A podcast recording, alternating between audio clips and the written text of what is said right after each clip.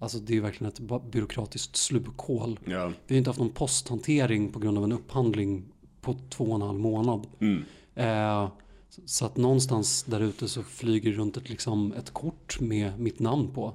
Eh, som någon har.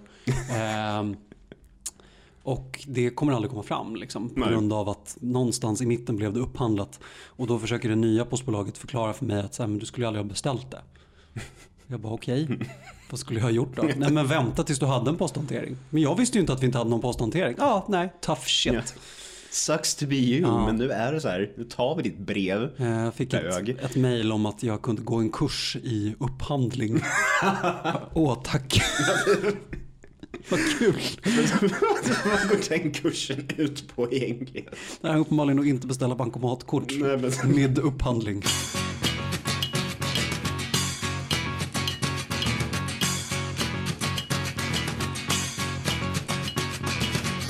Hej och välkomna till Killgruppen. Eh, avsnitt 11. Ja. Ehm, Christian är ehm, eh, kanske sjuk. Mm. Eh, Han hade känningar så att säga. Coronakänningar. Han, hade så att säga, han hade så, som de säger i sportvärlden, överkroppsskada. Ehm, så att eh, han är inte med oss idag. Nej. Ehm, vi hoppas att han kommer nästa vecka kanske. Mm. Eller jag hoppas inte kanske det. Jag hoppas det. Han kanske kommer nästa vecka. Du, du korsar fingrarna för att han kommer nästa vecka. And hope to die. Ja. Japp. Eh, hur mår du Johan? Eh, Jag mår bra. Mm. Eh, Som sagt, jag bor ju i en lägenhet som har sol, typ alla soltimmar som finns, vilket är både a gift and a curse, så man är Mm. ju pissvarm hela tiden. Ändå sitter jag här i en jävla pullover. Men jag köpte den här om dagen när jag känner mig fin, så jag menar, Den är jättefin. ja men eller hur. Mm. Det är så klart för 30 spänn. Mm. Ja, mycket bra köp. Ja. Nej men och sen har jag ju då, eh, eh, Botkyrka bageri är ju i full gång så att säga. Mm. Så det är ju, ja det är väl lite det jag har gjort hela veckan. Jag sitter här med ett sample eh, som både bultar varmt i min hand eh, och heter Diego 2. Diego den andre. Diego den andra. Och Diego Junior står i Örebro hos mina föräldrar så det här fick bli den andra då. Mm. Hur mår dina föräldrar då? Hur är det i en, eh, alltså de bor ju en bit utanför Örebro. Mm. Eh, hur är det där nu? Vad, vad, vad säger rapporterna? Alltså de har ju rätt okej. Morsan har tagit lite semester nu som hon då har ett faktiskt samhällsviktigt jobb bekräftat. Så hon, det har varit lite mycket. Så att säga. Jag kan ju inte prata jättemycket om det för att Nej. det är eh, hemligt. Men det har ju varit, de måste ju göra om och implementera så himla mycket rutiner och sen samtidigt då ta hand om folk som inte är helt varma i kläderna på arbetsplatsen. Eh, Det verkar bara ha varit absolut kaos. Så nu Har hon lite semester. Har hon någon möjlighet att jobba hemifrån? Ja, hon, kan ju ta, hon har ju möten och sånt och eh, administrativa grejer kan hon ju köra via Skype och så här, olika webbklienter och så. Men hon, hon är ju en sån, hon gillar ju inte att jobba hemifrån, hon vill ju ha en arbetsplats liksom. Det är väl någon generationsgrej, hon vill känna att hon går till jobbet. Nej, men jag känner det jättemycket att det har varit en trygghet för mig också. Mm. Eh, det gör ju att man känner att man, alltså man är ju en, stor procent av ens vakna tid är man på jobbet? Ja. Ja men 50 procent kanske eller något sånt där. Mm. Eh, vilket ju gör att till 50 procent är ju mitt liv väldigt likt hur det var innan. Eh, så det ger ju mig jättemycket struktur och rutin och hela midvitten. Liksom. Plus att om jag åker till jobbet kan jag lika gärna gå och handla och det var väl det jag gjorde innan. ja. Typ. Men man behöver ju på något vis i sådana här tider bibehålla rutinerna. Och det har ju, jag har ju arbetat väldigt mycket med att bibehålla rutiner, PGA, deprimerad och arbetslös. Eh, Så nu försöker jag dumpa över detta lite på min numera hemmajobbande eh, sambo. Eh, det tar inte riktigt men we'll get there för han, han är helt eh, rutinlös nu och det bara funkar inte. Nej. Nej, det är ju verkligen en vansak också alltså. Mm. Nej, Jag pratade med min mormor häromdagen eh, som bor på en ö vid Höga Kusten. Eh, sa att ingen jävel kommer över bron, bokstavligt talat. Liksom. Så helt plötsligt ringde det på dörren. Då var det min jobbiga jävla morfar som stod där utanför och plingade på. Har inte fattat någonting. Går liksom inte att röra honom liksom. Det är farligt för dig, det är farligt för andra. Han bara, och? det känns så himla typiskt för honom Ja, det är så jävla typiskt Han bara dyker upp med en cigg i käften och så här, nyser på dig. personen som eh, man fick åka hem till när han hade haft en stroke. Bara för att kolla hur det var med honom. Och han sa, jag tror att jag har haft en stroke. Har du sökt vård? Nej. Varför skulle jag? Jag är ju inte sjuk. Nej, precis. Nej, jag, alltså jag har ju inte en stroke. Jag har haft en stroke. Men det var igår ja, ju. precis. Okej, och det här jacket du fick i pannan när du ramlade. Jag bara, ja, ja, men det, det löser sig. Jag har plåster. Ja, ja. Jag kan sy mig själv. Jag har, jag har ett sykit för knappar och... Han bryr sig inte helt enkelt. Eh, jag har tänkt lite på det där med digitala eh, alter egon och sånt där i, i dessa tider. Eh, för att, jag vet inte, jag... ehm, men jag har väl aldrig riktigt accepterat de digitala jagen som, eh, som verkliga versioner av oss själva. Ehm, jag har alltid trott att Nej, men jag har alltid tänkt att det, att det är för långt ifrån verkligheten för att kunna fungera. Eh, att man ska kunna acceptera det som ett verkligt jag.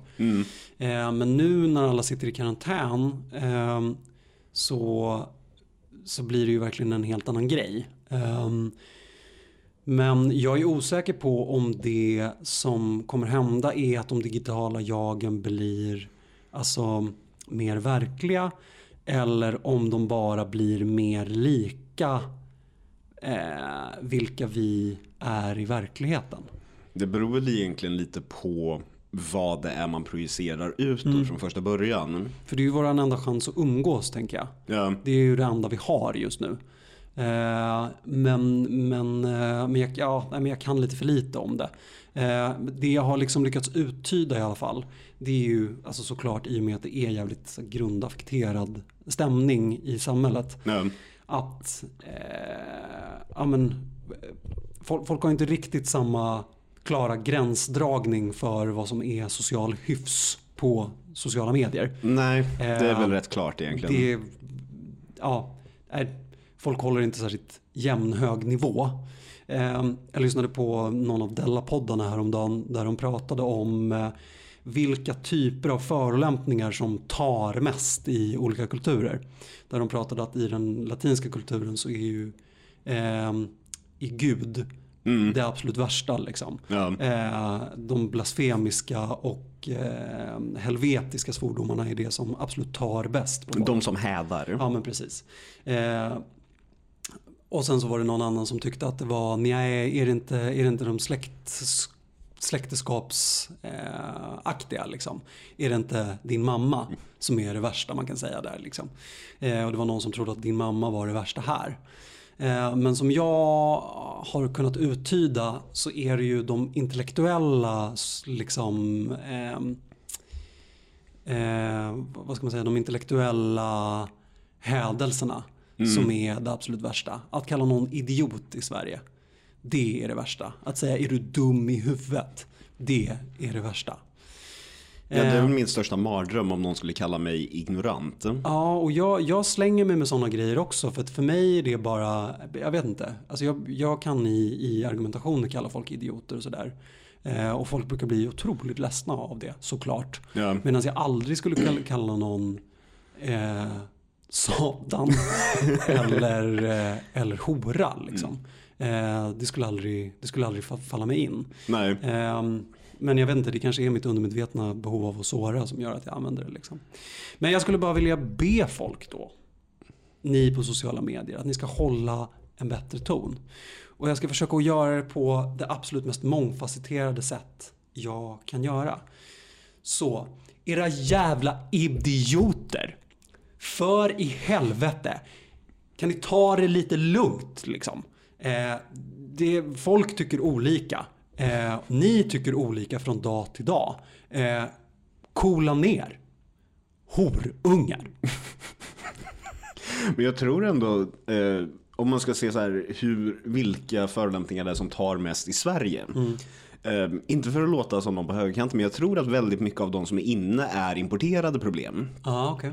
Nej, men det känns inte som att eh, mamma-grejerna tog lika hårt innan det slutade vara så vitt i det här landet. Inte vad jag minns i alla fall.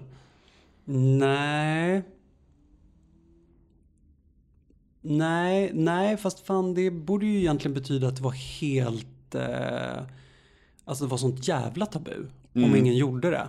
Men du menar att det liksom inte hade satt sig i våran kulturella kanon så att vi inte brydde oss innan? Nej, jag tror, jag, vi behövde mångkulturen för att eh, få ordentliga svordomar som faktiskt resulterar i att någon knivhugger någon. Liksom. Ja, jag tror att det är för att vi är så jävla skenheligt ateistiska.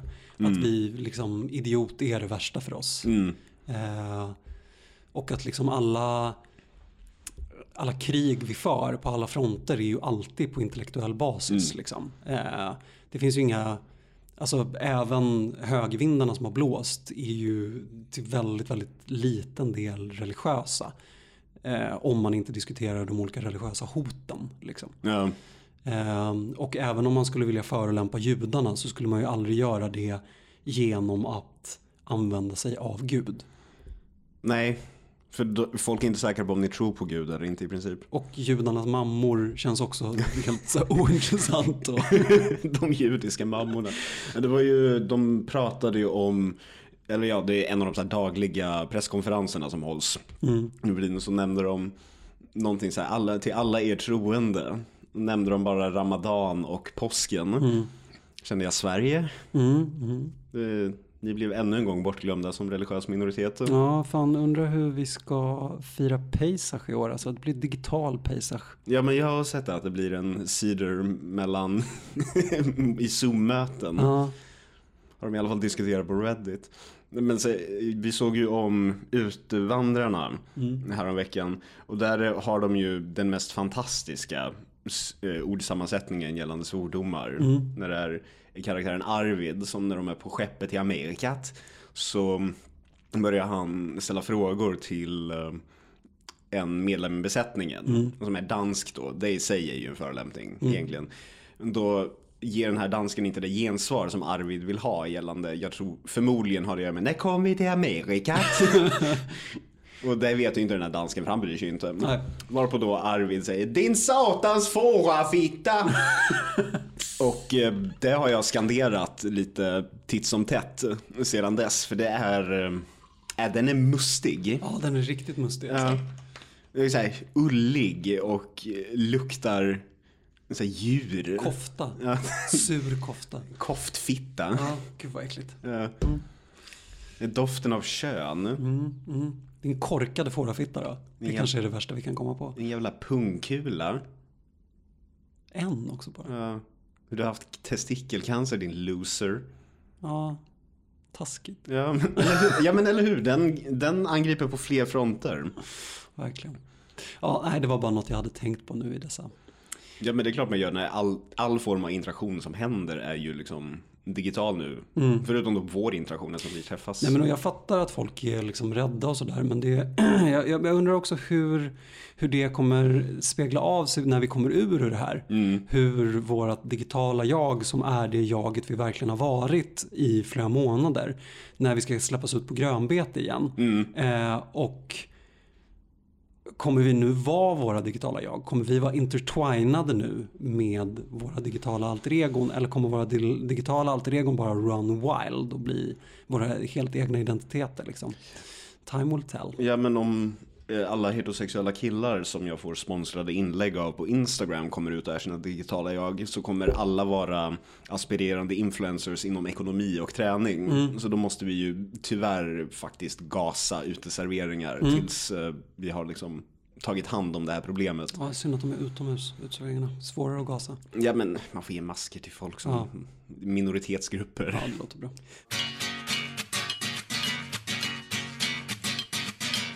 De flesta sitter ju extremt mycket inne nu och som du sa, heter det? umgås bara digitalt liksom.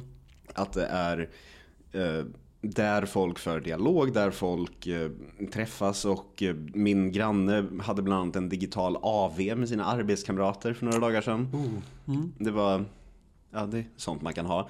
Sitta och dricka sprit med någon i webcam. Ungefär som vi gjorde några gånger när jag bodde i Örebro. och det är ändå rätt mysigt liksom.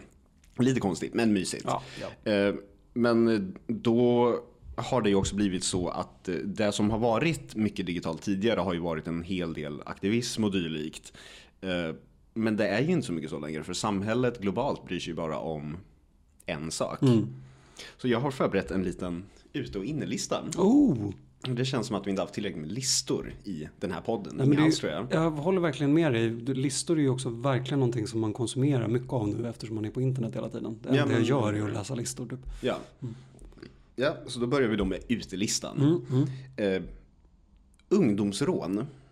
Det var ju ett jävla tag sedan man hörde något om det. Ja, jag hörde ju någon som blev eh, eh, knivmördad på en skola häromdagen och min första tanke var va? Vad gjorde de i skolan? Det var i Örebro. Ja, What up? ja, fast frågan är om han blev rånad eller inte. Jag tror inte det. nej jag tror inte det heller. Ja, för det otro, otroligt ute med ungdomsrån. Ja, det var nog bara ett helt vanligt mord. mord. Ja, nej, men så här, två 13-åringar som bråkade liksom. Man vet hur det är. Usch. Ja. Eh, kroppspositivism, också otroligt ute. Jag ser Stina Wolter dag in och dag ut försöka som vanligt att skriva väggar av text om sin tantkropp. Men det är så här, eh, Nej, alltså själva den typen av positivismen har ju verkligen inte fått någon utrymme. Folk tränar ju mycket i sina hem och sådär. Ja. Men det är ju en helt annan grej. ja, Eh, där handlar det ju mer om att inte förfalla på något sätt. Ja. Eh, inte att älska en som man är. nej, För att ingen älskar sig själva just nu. nej. Nej. Och jag menar, då finns det inget rum i eh, den mainstream-diskursen för kroppspositivism som gäller då lite överviktiga kroppar och sånt där. Nej, nej, just det. Men det kommer komma sen när vi... Eh, Att man ska vara stolt över sin karantänkropp. Ja, precis. Stolt över sin karantänkropp men också när vi liksom kommer in i att det som vi brukar vara aktivister mot, Mm. kropps, kroppsaktivismen, det vill säga reklam framförallt och sådär. När vi börjar klaga på liksom de digitala reklamen och sådär. Mm. Men hittills så i och med att ingen åker tunnelbana så finns det inga tunnelbane Twilfit-reklamer och polisanmäla liksom. Nej. Så då blir det ju sånt. Ja men då kommer de väl börja gå på så här eh, gener- vad är det? Eh, förgenererade ads för heta ryska singlar in your area snart av ren Just det. uttråkning. Mm.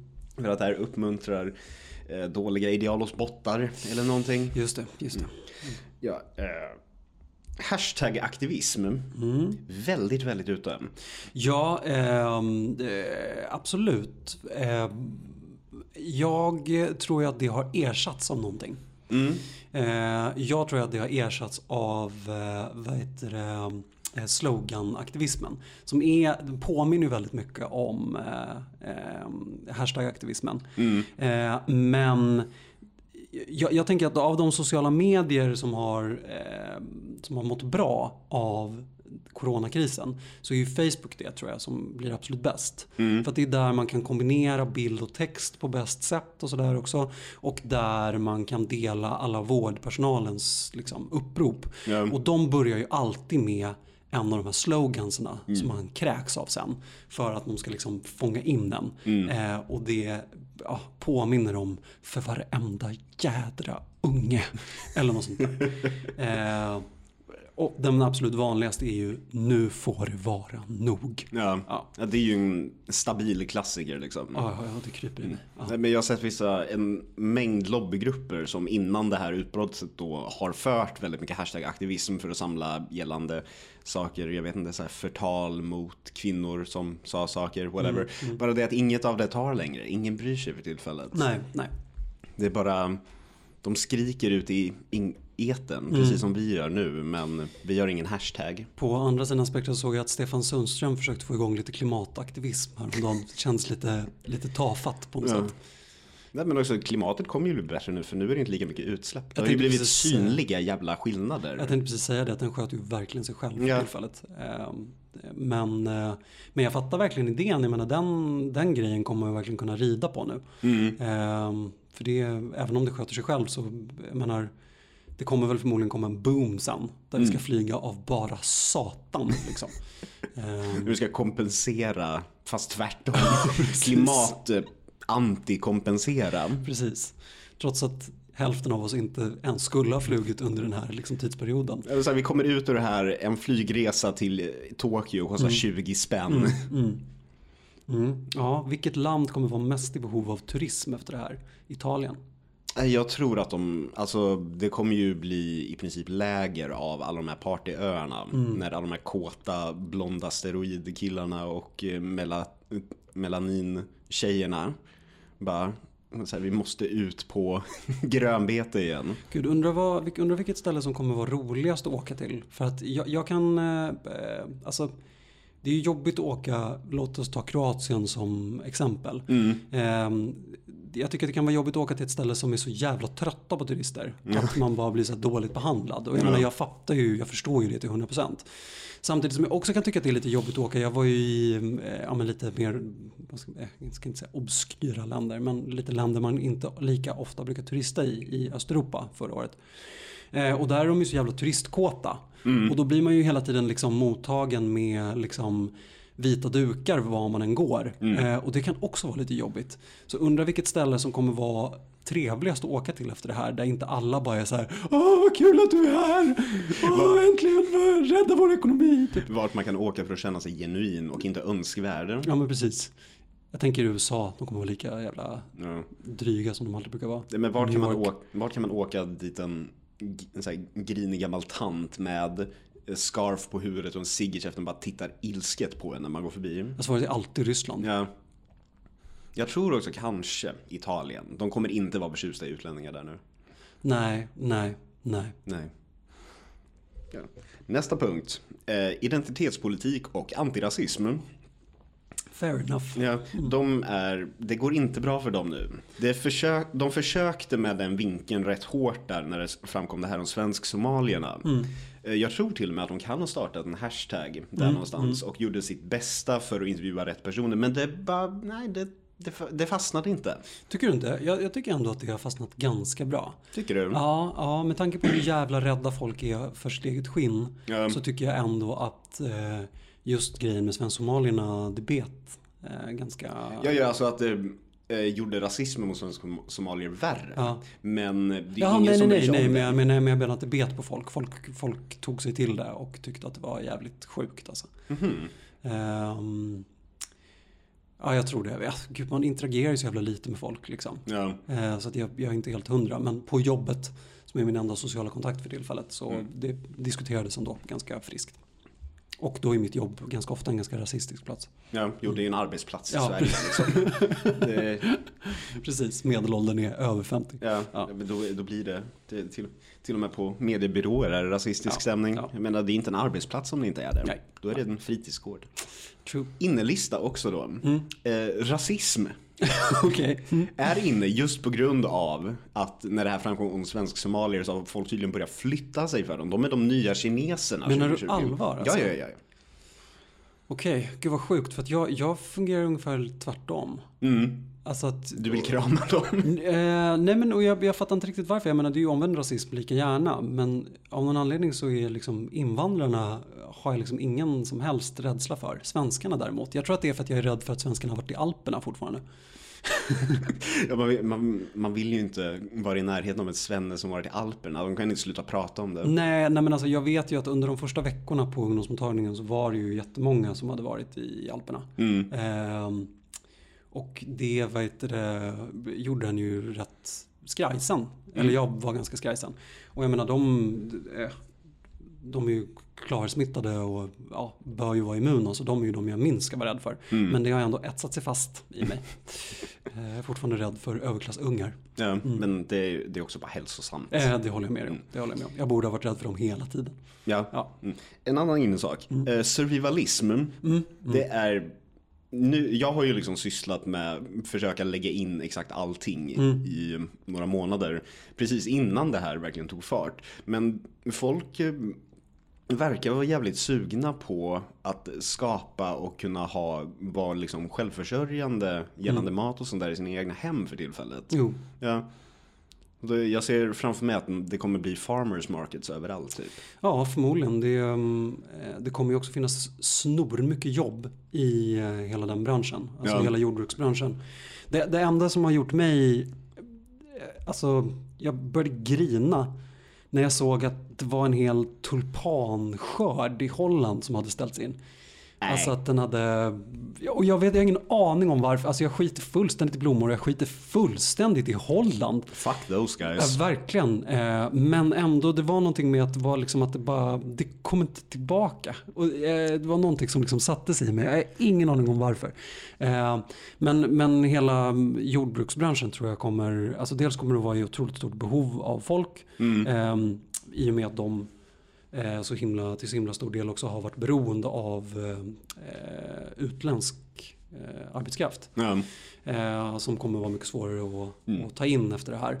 Eh, så det kommer ju finnas väldigt mycket jobb där. Folk, alla som har blivit arbetslösa, kommer börja, eller många kommer börja jobba där. Det kommer bli som i, under, i USA under depressionen Mm. när folk så vandrade omkring med typ en väska och bara Har ni något jobb eller? Ja, Jag kan mjölka era kor om jag får en skål gröt och en halmstoppad madrass. del blandat då med att det kommer finnas ett mycket större intresse och säkert att folk kommer hålla på och entreprenöra sig efter det här. Det kommer springa omkring en massa hipsters som har fått för sig att de ska mjölka, mjölka kor. Mm, mm. Gud, det kommer bli vidrigt. Men jag undrar också hur så här, alla preppers och sådär, Mm. eh, hur de Att de känner sig approprierade. Ja, men, nej, men vi har ju diskuterat tidigare hur, alltså vilken typ av, ehm, av personlighet som, som blomstrar i det här. Mm. Eh, och där min flickvän till exempel, som är en av de absolut mest neurotiska personerna jag känner och som är, alltså hon har också problem just med oro. Att oron i sig är problemet, inte eh, tragedierna i sig.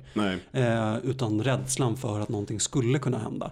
Eh, när någonting händer så blir hon kolugn. Mm. Jag har verkligen kunnat luta mig mot henne under hela den här eh, världsepisoden. Mm. Ehm, men för preppers har jag sett också att folk, jag, jag, jag undrar hur de, ehm, hur de hanterar det här. Mm. Alltså, dels så tror jag säkert att de känner sig lite approprierade. Att nu när den här smugnesen över att de har haft rätt hela tiden Mm. har släppt. Hur, hur de mår liksom. Om de känner att så här, deras farhågor har liksom infriats. För jag tänker att det är lika mycket ett intresse som det är Alltså jag tror att de, jag tror att de känner sig rätt tomma nu alltså. Ja, nej men nu är det här. Ja. Och det kom inte med a bang. Vad fan gör jag nu liksom? Ja. De, de lever i det samhället de förbereder sig för och de förbereder sig för mycket. Ja, för jag tror att det finns en, en, alltså en stark hipsterkultur där också. Att det handlar väldigt mycket om att vara ensam med det här. Liksom. Att man ska vara den som folk kommer till för att man själv har bombsheltret. Precis, jag tror inte att preppers är en särskilt liksom, stark subkultur kollektivt. Utan jag tror att det är väldigt mycket en ensamvarg-ideologi. Eh, och att de nu, jag tror inte att de gillar att det verkligen har hänt. Men det drar väl till sig väldigt mycket så libertarianer och sådana där. Och de är ju inte kollektiva överhuvudtaget. De vill ju bara ha rätt. Stenhårda individualister. Ja, Ja. Allt de bryr sig om är att de skulle ha haft rätt hela tiden. Mm. Får jag ta en grej? Ja, Ja. Sossarna fett inne. så jävla inne. Jag menar alla partier i någon form av maktposition har ju gått väldigt, väldigt bra. Alla från Trump till eh, Conte i Italien och eh, Löfven i Sverige. Eh, men innan hela den här skiten exploderade eh, så hade jag tänkt att uppfölja min prata som jag hade om några, för några veckor sedan när sossarna hade downat på Bernie Sanders. Eh, för att jag, jag, eh, jag tänkte då att, eh, att sossarna, ja, min prata då som jag hade planerat eh, kretsade väldigt mycket kring att jag tror att sossarna skulle må väldigt bra av att möta Sverigedemokraterna på deras egen spelplan Ja. inom socialkonservatismen på grund av att det har ju, alltså sossarna var ju med när Sverigedemokraterna, alltså i det som Sverigedemokraterna vill ska infrias. Ja. Eh, det är ju liksom deras, deras hemmaplan. De kan ju det här. Mm. Eh, och det har ju verkligen blivit sant nu när de i en krissituation får visa att nej men de kan ju, de kan Sverige ganska bra. Jag menar sen beror ju det också helt på hur det går. Om det går åt helvete kommer ju de få bära hundhuvudet och sådär. Eh, men jag tror ändå verkligen att det här är någonting som sossarna kan må riktigt, riktigt bra av. ja, det verkar ju som det i alla fall. De kan ju också skylla väldigt mycket av det som är dåligt på de åtta åren av borgerligt styre som, som hände innan. Väldigt mycket av, av det som, alltså nedmonteringen av välfärden och, och privatiseringar och sånt där är ju, alltså nog för att de har haft ett finger med i spelet. Men det är inte deras fel. Nej. Eh, så det finns ju, på utelistan kan vi slänga upp Anders Borg också. Han var i tv häromdagen och pratade om hur det här skulle påverka ekonomin. Kände du hur ute det var? Ja, jag tänkte, så bara, jävla ute. jag tänkte bara på att han ollar en flaggstång på en skärgårdsö. Jag var också rädd att han skulle kalla henne för hora hela tiden. Ja, din lilla hora. Nu Ja. ska vi prata om den svenska ekonomin. Ehm, så att eh, sossarna är superinne. Löfven sjukt inne. Ja, gud ja. Löfven i hjälm. Då, det snackar vi. Alltså Christer Petterssons uppslag i Aktuell Rapport. Be damned. verkligen. Löfven i hjälm. Ge mig det på en han kommer se poster. väldigt, väldigt obehaglig ut i munskydd bara. Det är jag rädd för. Ja. När han inte har hela sitt ansikte liksom. När det bara är ögonen. Däremot om man har munskydd på sig och sen tar av sig det Ja. med slow motion. Alltså det kommer, jävlar. Mm. Spela in det här hörni. Ja men det, jag skriver upp det här och sen så presenterar jag en, ett färdigt bildmanus i sossarna när det är valår. Det är ett stängt rum. Eh, han är ju liksom, han kommer in, för han, han kommer ju utifrån. Ja. Så han har på sig munskydd när han kommer in i det här stängda rummet.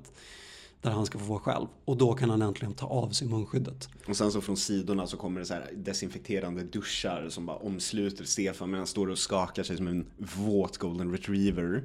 God kväll Sverige. Fy fan vad fint. Jag är här nu. Det här kommer gå bra. Ja, det här blir Ja. toppen. Heja Stefan.